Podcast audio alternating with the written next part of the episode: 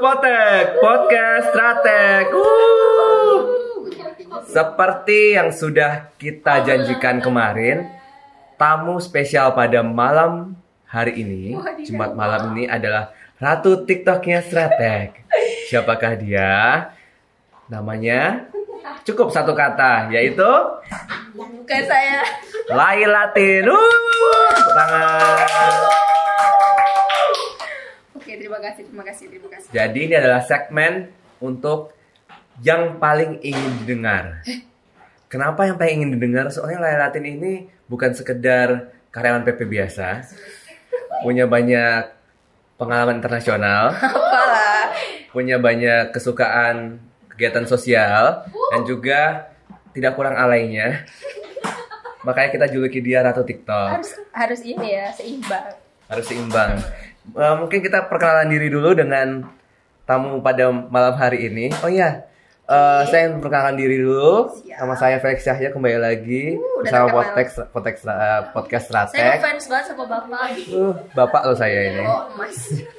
Langsung Mbak Lailatin bisa perkenalan diri, namanya siapa, lahir di mana, Hmm. eh, sekarang di PP sebagai apa? Oke, baik. Halo semuanya. Uh, Seperti yang tadi Mas Cayo bilang, nama saya Latin. Lai Latin bisa dipanggil Latin. Terus asalnya ya, Asal. asalnya dari Gresik. Ada yang tahu Gresik gak? Gresik, menggelora, gremeng. Gresik Menggelora benar ya. Sebutan Bajun. Terus masuk PP baru eh, awal tahun 2018. Terus mulai setelah OJT-nya November 2018. Jadi baru Satu setahun tahun lebih. setengah. Hampir, Wow. hampir satu tahun setengah. Masih muda juga ya di PP ya. Ya, masih muda. Ini Lailatin ini bocorannya adalah eh, teknik sipil dari ITB, S2 juga, khususnya geoteknik ya. Iya. Dan sangat-sangat sibuk.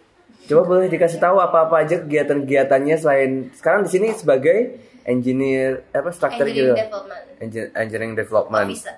officer. Selain eh, tugas-tugasnya apa aja engineering development officer? Eh, jadi di strategi ini saya berada di bawah Pak Junior, kadep tercinta. Wow. Uhuhu.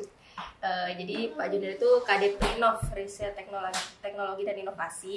Kebetulan saya di eh, di bagian eh, ininya, engineer-nya. Jadi di di dalam departemen Innov tuh ada departemen yang khusus mengurusi masalah supporting engineering gitu. Jadi yang kalau misalnya proyek ada butuh-butuh sesuatu eh, bisa menghubungi saya. Widih, itu khususnya untuk geoteknik aja atau bisa semuanya? Eh, All in ya?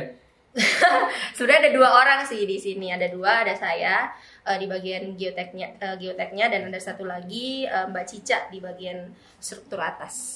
Atas. Gitu. Jadi bagi teman-teman proyek yang mengalami kesulitan terkait dengan permasalahan tanah misalnya atau fondasi gitu, bisa berkonsultasi dengan Mbak Lelatin. Tapi kalau dilihat sebenarnya Mbak Lelatin ini lagi tadi seperti saya bilang di awal banyak banyak ini ya kegiatannya. Jadi ya mohon maaf ya kalau agak-agak sibuk gitu. Kegiatannya apalagi selain di selain kerja di PP, Gak penting sebenarnya kegiatannya sih. Main-main aja yang penting happy. juga mengajar nih untuk anak-anak SMA betul kan? Atau SD juga? SD, SMP, SMA ada juga yang anak kuliahan juga. Wis, luar biasa. Biar gak bosen guys. Or- Orangnya bosanan gitu Iya. buat kalian. Jadi Yang- sebenarnya ini tuh apa ya? eh, tiap orang itu kan punya me time-nya masing-masing, ya nggak? Hmm. Me time tuh perlu banget kan. Kalau misalnya kalian lagi melakukan suatu kegiatan yang rutin, eh, nah supaya kalian tetap apa ya tetap nggak bosen, eh, lakukan me time kalian. Me time tuh macam-macam. Bisa jadi hobi, misalnya hobinya kayak Mas Cayo misalnya hobinya belajar bahasa asing, Baik, makasih. ya kan? Jadi bisa tuh mungkin itu jadi me time-nya Mas Cayo. Nah kalau saya kebetulan me time-nya mungkin eh, ngajar ngajar dan apa ya eh bersosialisasi lah dengan orang itu jadi me time me time saya sih Beri tepuk tangan dulu buat Mbak Lelatin. Happy Meal udah datang tuh Mbak makasih. Kita Siapa? Oh enggak pak. Oke, Kita lanjut lagi ya. oke siap. Tadi ada Mac di datang. Terus eh, selain itu berkegiatan sosial juga kan? Iya, Yaitu membantu atau mengajar atau apa? kebetulan bentuknya? sekalian promosi boleh lah ya. Boleh dong. Jadi eh, kebetulan saya ikut eh, salah satu komunitas pendidikan yang ada di Jakarta, namanya komunitas Sahabat Anak. Sahabat Anak itu sebenarnya ada beberapa cabang, ada Sahabat Anak Pusat. Kebetulan saya bergabungnya di Sahabat Anak Cijantung. Lokasinya nggak jauh kok dari PP, sekitar satu setengah kiloan lah dari sini gitu. Nah di sana saya mengajar eh, kurang lebih anggotanya ada ada banyak sebenarnya nggak cuma saya volunteernya, ada beberapa volunteer juga. Nah terus di sana berkegiatannya itu mengajar anak-anak eh, kampung sekitar situ. Hmm. Kebanyakan sih anak-anak pasar induk. Hmm, Anak- pasar induk Pasar eh, induk Ramadjati. Jati, iya. Umurnya berapa tuh anak-anaknya? Umurnya mulai dari TK sampai ada juga yang yang SMP SMP. Hmm, udah berjalan berapa lama? Eh, jadi dulu waktu awal-awal masuk PP tahun 2018, sebelumnya kan saya ngajar ya, sebelumnya saya ngajar satu tahun, Ngajar itu juga sahabat anak. enggak Apa? waktu sebelum di PP, Oh, ngajar satu tahun, Nah, Mm. kemudian kerja di PP, ngajar stop tuh, mm-mm. cukup stres dan bingung saya, aduh ngapain ya setelah pulang kerja ngapain ngapain, akhirnya nyari-nyari lah komunitas yang eh, menurut saya bisa saya jadikan kegiatan sampingan selain bekerja. Jadi tahu kan guys, kenapa Lailatin ini adalah narasumber kita yang dipilih untuk segmen yang paling ingin didengar luar biasa. Kenapa? Karena kalau kita lihat kepeduliannya terhadap bukan hanya terhadap pekerjaan, tapi juga terhadap sesama itu luar biasa besar. Makanya sangat-sangat cocok dengan karakter VP Beat yang pertama yaitu peduli. Sebelum kita membahas lebih jauh mengenai sosok Lelatin, kita mungkin jeda sedikit. Kita mau mendengarkan berita-berita mengenai isu terhangat saat ini yaitu tentang coronavirus. Jeng jeng jeng jeng jeng. Stay tune ya. WNI yang diobservasi di Natuna akan dipulangkan ke rumah masing-masing hari ini. Presiden Joko Widodo mengimbau masyarakat agar tidak perlu khawatir karena WNI yang akan dipulangkan telah melalui proses observasi sesuai dengan prosedur. Dan semuanya negatif virus corona ya Iya. Iqbal ya. Dan pemerintah juga mengklaim hingga saat ini belum ada orang di Indonesia yang positif terjangkit virus corona. Kita harapkan seperti itu seterusnya. Namun ahli medis menyebut bukan berarti genetika atau imunitas masyarakat Indonesia ini kebal dari virus corona. Oleh, selamat malam Indonesia. Hari terakhir program observasi Wuhan. Mari kita lihat para peserta mempersiapkan diri untuk kepulangan mereka esok hari. Apa yang mereka persiapkan? Mari kita lihat. Ini ada Mbak Aisyah. Besok kita udah pulang. Lagi ngapain? Jelang kepulangan WNI observasi di Natuna, persiapan terus dilakukan. WNI merasa antusias untuk segera pulang dan bertemu dengan keluarga dan kerabat. Terkait pemulangan itu, Presiden Joko Widodo mengimbau masyarakat agar tak perlu khawatir akan pemulangan WNI dari lokasi observasi di Natuna, Kepulauan Riau. Presiden Jokowi menyebut proses observasi yang dilakukan selama 14 hari telah sesuai dengan prosedur dan standar kesehatan internasional. itu proses protokol kesehatan dari WHO yang kita ikuti secara ketat. Kita harapkan masyarakat juga menerima padanya, memang sudah 14 hari di karantina dan nggak ada masalah. Hingga kini pemerintah masih mengklaim bahwa tidak ada orang di Indonesia yang positif terjangkit virus corona. Namun ahli medis menyebut hal ini bukan berarti genetika atau imunitas masyarakat Indonesia kebal dari virus corona yang kini dinamai sebagai COVID-19 oleh WHO. Apalagi satu WNI yang bekerja di Singapura telah dinyatakan positif terinfeksi virus corona. Ya kalau genetik gitu kan ya. Kalau ini menurut saya pribadi ya kalau genetik pun menurut saya sih nggak nggak juga. Karena ada orang Indonesia yang sakit tapi nggak di Indonesia gitu kan ya. Jadi kalau bicara itu kan oh nggak genetik dong gitu kan. Jujur kami tidak menyembunyikan sakit ini gitu kan. Dan, dan semua kita periksa negatif kok ya. Sampai saat ini kita negatif ya Agar terhindar dan mencegah penyebaran virus corona, masyarakat diimbau menjaga kesehatan dan hidup bersih dengan melengkapi informasi yang valid terkait virus corona. Tim Liputan, CNN Indonesia. Welcome back to Potek, podcast Stratek. Jadi memang coronavirus ini adalah em, kita nggak boleh panik, kita juga tetap harus waspada. Kita harus paham, aware dengan risiko-risikonya. Kita harus peduli juga. Makanya di kantor PP ini di beberapa sudut kita sudah pasang antiseptik gel ya. Ini adalah satu bentuk kepedulian. Sebenarnya makanya kita berapa podcast yang lalu kita sempat bilang nih, PPB itu bukan sesuatu yang harus dihafal atau sesuatu yang em, abstrak, tapi sebenarnya yang terwujud dalam hal-hal sehari-hari seperti sepakat. kita aware dengan isu-isu yang ber- berkembang saat ini di di dunia saat coronavirus ini bagaimana kita bagaimana perusahaan atau kita sebagai karyawan PP membentengi diri kita salah satunya dengan berusaha peduli dengan eh, kebersihan diri sendiri kebersihan orang lain juga dan peduli terhadap tubuh lah kesehatan diri sendiri maupun orang lain. Nah nah, apa sih hubungannya antara TikTok si dan Lailatin ini dengan coronavirus. Ternyata ada satu hubungannya loh guys. TikTok itu dari mana? Dari aku tadi mas. dari Chinese sebenarnya dari Republik Rakyat Tiongkok. Dari itu Cina. dari eh, nama aplikasi sendiri itu adalah Douyin. Gitu. Jadi namanya di sana di- dikenalnya dengan nama itu. Nah eh, kebetulan coronavirus ini bermulanya dari kota Wuhan di China di Central China dan eh, teman-teman kita saudara-saudara kita yang tinggal di sana yang warga negara Indonesia kan kemarin sempat dipulangkan oleh pemerintah Indonesia dan sempat di karantina terlebih dahulu selama 14 hari di Pulau Natuna. Pulau Natuna ini dulu pernah di Pulauan. Kepulauan Natuna baik maaf. Kepulauan Natuna ini dulu pernah disambangi oleh Mbak, La- Mbak Lailatin dalam rangka apa? Boleh diceritakan? Ngajar sih di sana. Mengajar Jadi lagi. guru SD di sana. Guru SD.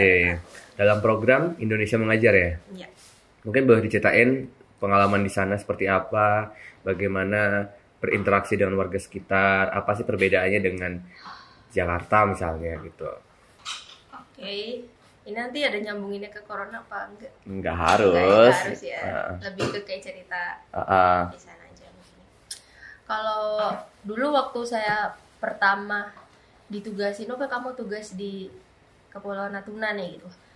Dulu belum tahu ya, belum belum terkenal kayak sekarang. Sekarang kan ada tuh beberapa semenjak saya ke sana tahun 2016 akhir tuh udah mulai beberapa isu-isu terkait tentang Natuna. Entah itu yang dulu waktu saya di sana juga sempat ada isu yang sama Cina, bersitegang Mm-mm. dengan Cina itu dulu udah pernah ada waktu saya di sana. Nah, eh, nama Natuna mencuatkan. Nah, terus waktu kemarin juga kan yang kapal Cina kapal Cina masuk itu juga Mm-mm. mencuat kembali terus tiba-tiba langsung corona itu juga bawa Natuna lagi Mm-mm. gitu jadi kayak tiba-tiba Natuna jadi terkenal Jadi gitu. sebenarnya Natuna itu kayak apa sih? Apa se se mencekam itu, semengerikan itu atau gimana sih? Nah itu juga gini. Dulu tuh eh, waktu berangkat ke sana tuh sempat nyari berita tuh katanya wah ini perang dengan Cina, perang dengan Cina. Eh, jadi waktu pertama ke sana tuh takut gitu. Wah gimana nanti kalau ada perang beneran. Ternyata warga di sana tuh orangnya slow-slow banget, Slow-slow banget ya. santai banget iya. Mostly di sana tuh emang sukunya Melayu ya. Mm-mm. Eh, sebagian besar di sana umat Islam. eh, memang mereka ini sih kalau dari segi apa ya terpapar teknologinya itu eh, memang masih kurang. Dulu waktu tahun 2016 akhir sampai 2017 akhir saya di sana tuh sinyal tuh masih masih nggak ada. Hmm. Sinyal apalagi sinyal internet, sinyal telepon Dulu di mana? Di Ranainya atau di mana? di Pulau Bunguran ya. Oh itu di pulau lagi berarti ya? Oh enggak, di Pulau Bunguran tuh pulau, Pulau yang gede ya? besar. Oh pulau gedenya. Iya, letak ibu kotanya di sana. Jadi Ah. ramainya gitu. Mm. Tuh, tapi saya di desanya sekitar dua jam lah dari satu setengah jam sampai dua jam dari Ranai gitu. Yang kemarin lokasi karantinanya itu kan di bandaranya sebenarnya. Hmm. Ah, gitu. Jadi lebih dekat ke pusat kota malahan atau gimana? Iya. Bandaranya. Iya. Beneran di pusat kota itu kayak jalan dari bandara ke pusat kota tuh bisa jalan. Hmm. Pantas ya mungkin jadinya warganya banyak yang menolak ya waktu itu ya Iya, ketika karantinanya di dijalankan di Natuna gitu. Hmm, jadi sebenarnya kalau masyarakat Natuna itu mereka tuh eh, apa ya baik-baik itu orangnya maksudnya orangnya ramah-ramah nggak yang eh, suka kerusuhan atau suka karena itu misalnya yang Hmm. antar suku aja suka Pertikaian, pengen gitu. Nah, kalau ada enggak gitu. Cuman kemarin kenapa bisa sampai demo kayak gitu? Kalau misalnya saya nanya teman-teman saya yang ada di Natuna itu karena memang mereka less information banget. Hmm. Bahkan bupati dan pemerintah daerahnya sendiri itu kaget gitu kan apa tiba-tiba kok besok udah lang- udah langsung datang. Jadi mereka sangat kekurangan informasi. Apalagi kan yang tersebar di luar kan corona corona oh, gini gini gini berbahaya berbahaya gitu kan. Nah mereka tak kurang informasi. Sementara berita di luar itu menceritakan tentang seremnya corona kayak gimana. Jadi mereka nggak ada persiapan gitu untuk menghadapi itu. Jadi mereka reaksi yang paling bisa mereka tunjukkan instan saat itu ya demo untuk melindungi diri sebenarnya. Betul sekali sih, memang kendalanya itu ya. Mungkin kita dengar-dengar juga mereka penolakannya karena kurang informasi pastinya Benar, benar, gitu kan. Nah, terkait dengan kekhawatiran berlebih terkait dengan corona ini tuh nyatanya sekarang juga Iya. baik-baik aja gitu kan. Nah, itu juga sih kepedulian tuh sebenarnya juga harus diimbangi dengan cukupnya pengetahuan dan informasi. Ya nggak? Beri tepuk tangan betul sekali. Karena gimana kita peduli kalau misalnya kita Nggak tahu. tahu gitu kan. Nah, kadang kita itu tidak toleran atau kita paranoid berlebihan itu karena kita kurang informasi, makanya jadinya kita tidak peduli itu gitu. Nah, tapi kalau tadi bicara soal pengalaman mengajar di sana, Iya. nah itu anak-anaknya itu sebenarnya seperti apa sih atau ngajar apa sih waktu itu di sana? Ini satu hal yang uh, aku temui sangat berbeda nih antara Ah. anak di sana sama anak di Jakarta ya karena kan Mm. saya juga ngajar di Jakarta nih yang private private gitu yang uh, anak-anak orang yang berada gitu lah. Hmm. bedanya itu sangat berbeda banget pertama fasilitas fasilitas Hmm. mereka punya udah, udah pasti sangat berbeda Hmm. di sini internet udah kayak apa kan semuanya ada ruang guru segala macam Hmm, hmm, hmm. jadi nyebut merek di sana boro-boro sinyalnya masih susah gitu kan Eh, buku juga eh, apa ya kalau diganti-ganti kurikulum di sini buku buku kurikulum ini berubah. Oh besok ganti kurikulum ini. Oke langsung datang. Kalau di sana bisa jadi enam bulan atau akhir semester baru datang bukunya. Nah terus karakter anak juga jadinya beda. Kalau di sana karakter anak itu lebih kayak takut untuk mengungkapkan eh, apa pendapat mereka gitu kalau anak-anak Hmm. Ya. Gitu ya. Jadi misalnya kayak eh, gurunya nyuruh A, oke aku harus melakukan A. Mm. gitu. Kalau misalnya anak-anak di Jakarta sangat berbeda banget karakternya. Kalau anak-anak di Jakarta itu eh, misalnya guru, oke kamu ngelakuin A, kenapa aku harus ngelakuin A? Kenapa nggak kayak gini aja gitu? Jadi mereka tuh lebih berani untuk mengekspresikan opini mereka. Lebih kritis Jadi ya kritis gitu. itu sih paling beda yang yang menurut aku. Kalau masalah kecerdasan sih menurut aku sama-sama aja ya. Tinggal bagaimana mereka eh, mengasah kecerdasannya masing-masing. mereka semangat belajar di sana. Semangat belajar. Dulu ngajarnya anak SD, SD SD. Ah, SD dulu ngajarnya berarti semua pelajaran. Eh kebetulan di sana kan saya masuk ke sebuah SD negeri. Hmm. Jadi memang ada benar-benar ada masuk sebagai guru gitu dan eh, jatuhnya jadi guru pelengkap gitu. Ketika Hmm. guru di sana mengalami kesulitan di waktu saya di sana matematika sama bahasa Inggris kebetulan. Hmm. Jadi di sana dulu ngajar dua mata pelajaran itu. Gitu. matematika dan Inggris. Jadi buat teman-teman yang atau siapa pun mendengar ini em, yang memiliki kesempatan untuk pendidikan yang dengan fasilitas yang baik, kita juga harus mengamalkan atau memiliki karakter yang PPB tadi yang B yang bersyukur karena kita sudah diberikan kemudahan-kemudahan dalam menempuh pendidikan dan kita juga harus bagaimana pendidikan yang kita dapat tadi itu bisa kita manfaatkan untuk kebaikan-baikan sekitar kita betul sekali? Betul sekali dong Cus, cus, cus. Kita nggak main TikTok nih sekarang. eh kita main-main TikTok. Sebelum itu tadi kita ngomongin soal bahasa Inggris nih tadi. Kan eh, bahasa Inggris adalah sebuah bahasa internasional. Kenapa kita meneng kita di Slatek ini tahunya Latin itu sebagai ya Miss Internasional lah gitu. Kenapa internasional? karena eh, Latin ini punya pengalaman internasional. Salah Iya. satunya kemarin sempat juga masukin em, penelitian ya atau Ya standar lah bikin-bikin paper doang. paper ke jurnal internasional dan juga dipanggil ya berarti ya dipanggil untuk mempresentasikan jurnal tersebut di Pengalaman pertama sih. conference ya mungkin boleh ceritain dikit soal conference-nya itu apa tentang apa sih sebenarnya papernya terus kenapa kok bisa sampai emang internasional gitu loh go international mungkin kalau ngalahin Akses Monica gitu Lebih banget.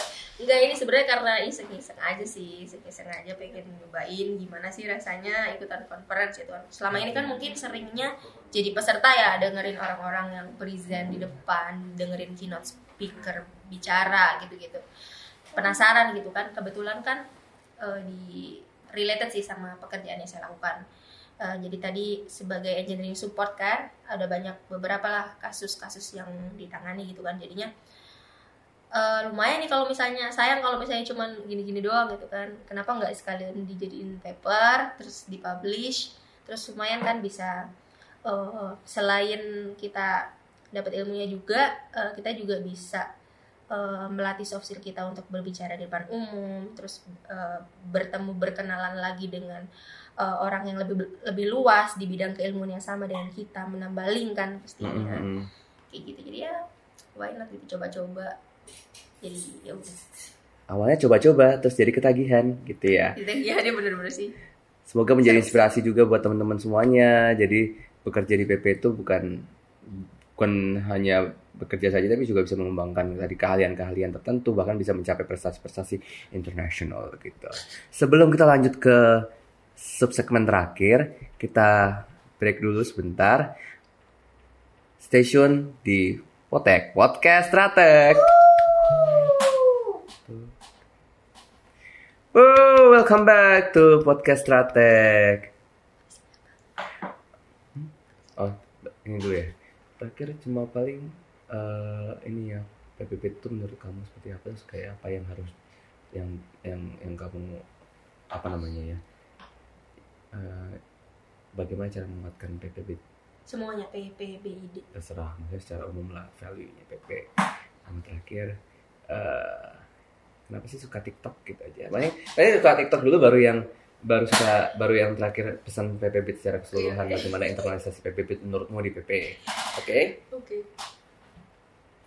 Welcome back to Potek Podcast Stratek. Commercial break tadi disponsori oleh mie ayam Ben Hill by Junior Bakti dan, dan Priska Kristiningrum. Iklan titipan. Iklan titipan. Sudah ya Pak Jun ya. Jadi tadi di awal-awal atau judul dari podcast ini kan Ratu TikTok nih ya. Nah, kenapa sih si Lailatin ini dikenal sebagai Ratu TikTok di Stratek? Oh kenapa? Kenapa ya? Karena apa ya? Mungkin kalau misalnya ini Ratu TikTok tapi nggak ada karyanya, bener guys. nggak ada karyanya Bisa dicek di mana nih TikTok TikToknya? Janganlah. Gak ada Latin ya. Cari aja pokoknya yang ada Latinnya. Kenapa? Apa? Kenapa suka TikTok maksudnya? Uh, Sebenarnya dulu ingat gak sih kalian zaman bawa Alpen, Alpen Libre? Jadi ini Lai Latin milik kita. boleh, boleh, boleh dulu kita. Uh, Sebenarnya kenapa suka? Seru seru nggak sih kalian? Semuanya menurut menurutku juga semuanya sekarang suka. Sekarang demam TikTok iya, semuanya suka banget TikTok gak sih? Kalian mengekspresikan diri dulu TikTok. menjudge menjelek-jelekan bau Alpenlibe sekarang semuanya kemakan omongan sendiri. Mungkin sekarang karena artis-artis yang iya. yang main TikTok. Jadi mungkin artisnya Stratek kenapa? Karena menyenangkan sih seru. Menyenangkan ya? Iya betul. Dan nggak merasa alay gitu nggak ya? Eh, enggak karena everybody melakukannya jadi ya udah dan karena mungkin sebenarnya alay atau nggak alay itu ditinjau dari ya ditinjau, bisa dilihat dari apa yang ditampilkan kan sebenarnya maksudnya siapa tahu dengan uh, gimana ya kalau boleh ngomongnya sebenarnya tahu tempat aja sih ya tahu situasi hmm. tahu tempat makanya dan bisa menjadi suatu sebenarnya suatu karya seni juga iya, kan betul. Gitu. keren gak sih kayak ngeliat TikTok orang-orang wah gila ini gimana nah, caranya? kreativitas itu yang membedakan antara alay dan tidak alay nah, kayaknya gitu nggak semua orang bisa memproduksi TikTok yang bagus. Asal nggak habis ini bikin meet and greet dengan harga delapan puluh ribu ya wow. gitu. Nah kita kembali lagi ke topik utama kita di terakhir. Bagaimana sih menurut Lailatin 93 ini untuk menginternalisasi PPB mungkin dengan menggunakan TikTok kali ya bisa, bisa loh sebenarnya untuk internalisasi PPB. Gimana mas ya? Hah? Nanti dipikirkan ya. Pikirkan ya. Gimana Tapi kalau gimana cara internalisasi PPB menurutmu? PPB itu kan budaya ya. Eh, hmm. budaya gak sih? Betul. Budaya kan. Menurutku budaya itu ya memang harus sesuatu yang benar-benar dibiasakan eh, dan sudah men- mendarah daging dengan jiwa maksudnya udah di alam bawah sadar gitu. Itu yang bisa disebut bud- budaya gitu. Mungkin yang awalnya memang mem- membiasakan ini yang cukup susah kan istiqomah kan paling susah. Oh, istiqomah betul sekali. Konsisten itu yang susah betul. yang paling susah gitu kan. Kalau misalnya kayak oke lomba PPB oke kita buat aja peduli apa ya peduli buat lomba-lomba gitu kan sekali dua kali ya semua orang bisa melakukan. Tapi yang paling susah itu adalah bagaimana mengistiqomahkan. Nah kalau misalnya kita mengistiqomahkan di kerjaan doang nih misalnya dari jam 8 sampai jam 5 itu kan cuman berapa jam? 8 jam doang kan masih ada 16 jam lagi nih kita belum nah menurutku cara yang paling gampang untuk bisa apa ya menjadikan PPB ini sebagai budaya ya dengan memanfaatkan 16 jam sisanya untuk membiasakan PPB juga ya nggak sih Mas Cayo Betul sekali. Jadi, nggak cuma di kerjaan. kata-kata mutiara. Uh-uh. Gue dicatat di bold, di highlight. Tadi kita masih ada 16 berapa? jam 16 lainnya. jam lainnya. Dua untuk- per tiga sisanya. Jadi kita harus juga membiasakan PPB ini di dalam kehidupan sehari-hari. Ya jadi jangan cuma 8 jam yang di kantor gitu kan Karena Yep. lebih penting mungkin 16 jam yang di luar kantor itu gitu Sepakat. Jadi bukan cuma di dalam kantor Tapi juga bagaimana membawa PPP itu dalam kehidupan kita di luar kantor Atau kehidupan kita sehari-hari Saya juga Betul? sedang berusaha teman-teman. Ya, kita semua berusaha dan semoga podcast Stratek ini bisa memberikan tambahan semangat buat teman-teman juga untuk Iya. Terus-menerus menguatkan tata nilai perusahaan, budaya perusahaan PPB. PPB peduli, profesional, bersyukur, integritas dan Disiplin. disiplin. Mau promosi dong. Promosi boleh silahkan. teman-teman yang mau ngajar yang mau hari Sabtu atau minggunya eh bukan ber- lebih berfaedah sih ya itu eh, tergantung teman-teman gimana tapi yang mau mencoba hal baru mungkin bisa mengajar anak-anak nanti bisa kontak aku kita berangkat bareng-bareng Untuk mengajar di sahabat anak tadi ya. Yep, betul sekali Oke, terima kasih banyak. Ada lagi yang mau disampaikan pesan-pesan sponsor lain? Kita cuma punya mie ayam nih untuk sponsornya. Iya. Mungkin berikutnya teman-teman yang mau mensponsori podcast Stratek bisa langsung hubungi saya atau Lailatin atau Iya. Mbak Prita, sekretaris dari divisi Stratek. dibuka ya di hotline 123 45 Hotline-nya 1519. 1519. Mbak Prita. Mbak Prita. 15 19 untuk sponsor-sponsor kita siap mengendorse segala macam sponsor yang cuy yang yang kira-kira ya dapat menguatkan Hmm. nilai-nilai PBB lah ya. seperti apa itu produknya Sampai ketemu lagi teman-teman. Eh, Terima kasih sudah mendengarkan podcast Stratek ini. Sampai ketemu di lain kesempatan. Tema-tema selanjutnya di bulan Maret terutama kita tunggu apa aja yang bakal menarik. Cerita-cerita lain, kisah-kisah lain dari divisi perencanaan strategis riset dan teknologi atau divisi Stratek. Em, dari saya Felix Cahyo terima kasih banyak. Sampai ketemu lagi. Happy weekend guys. Bye bye. udah sore Cai Chen. Chai Chen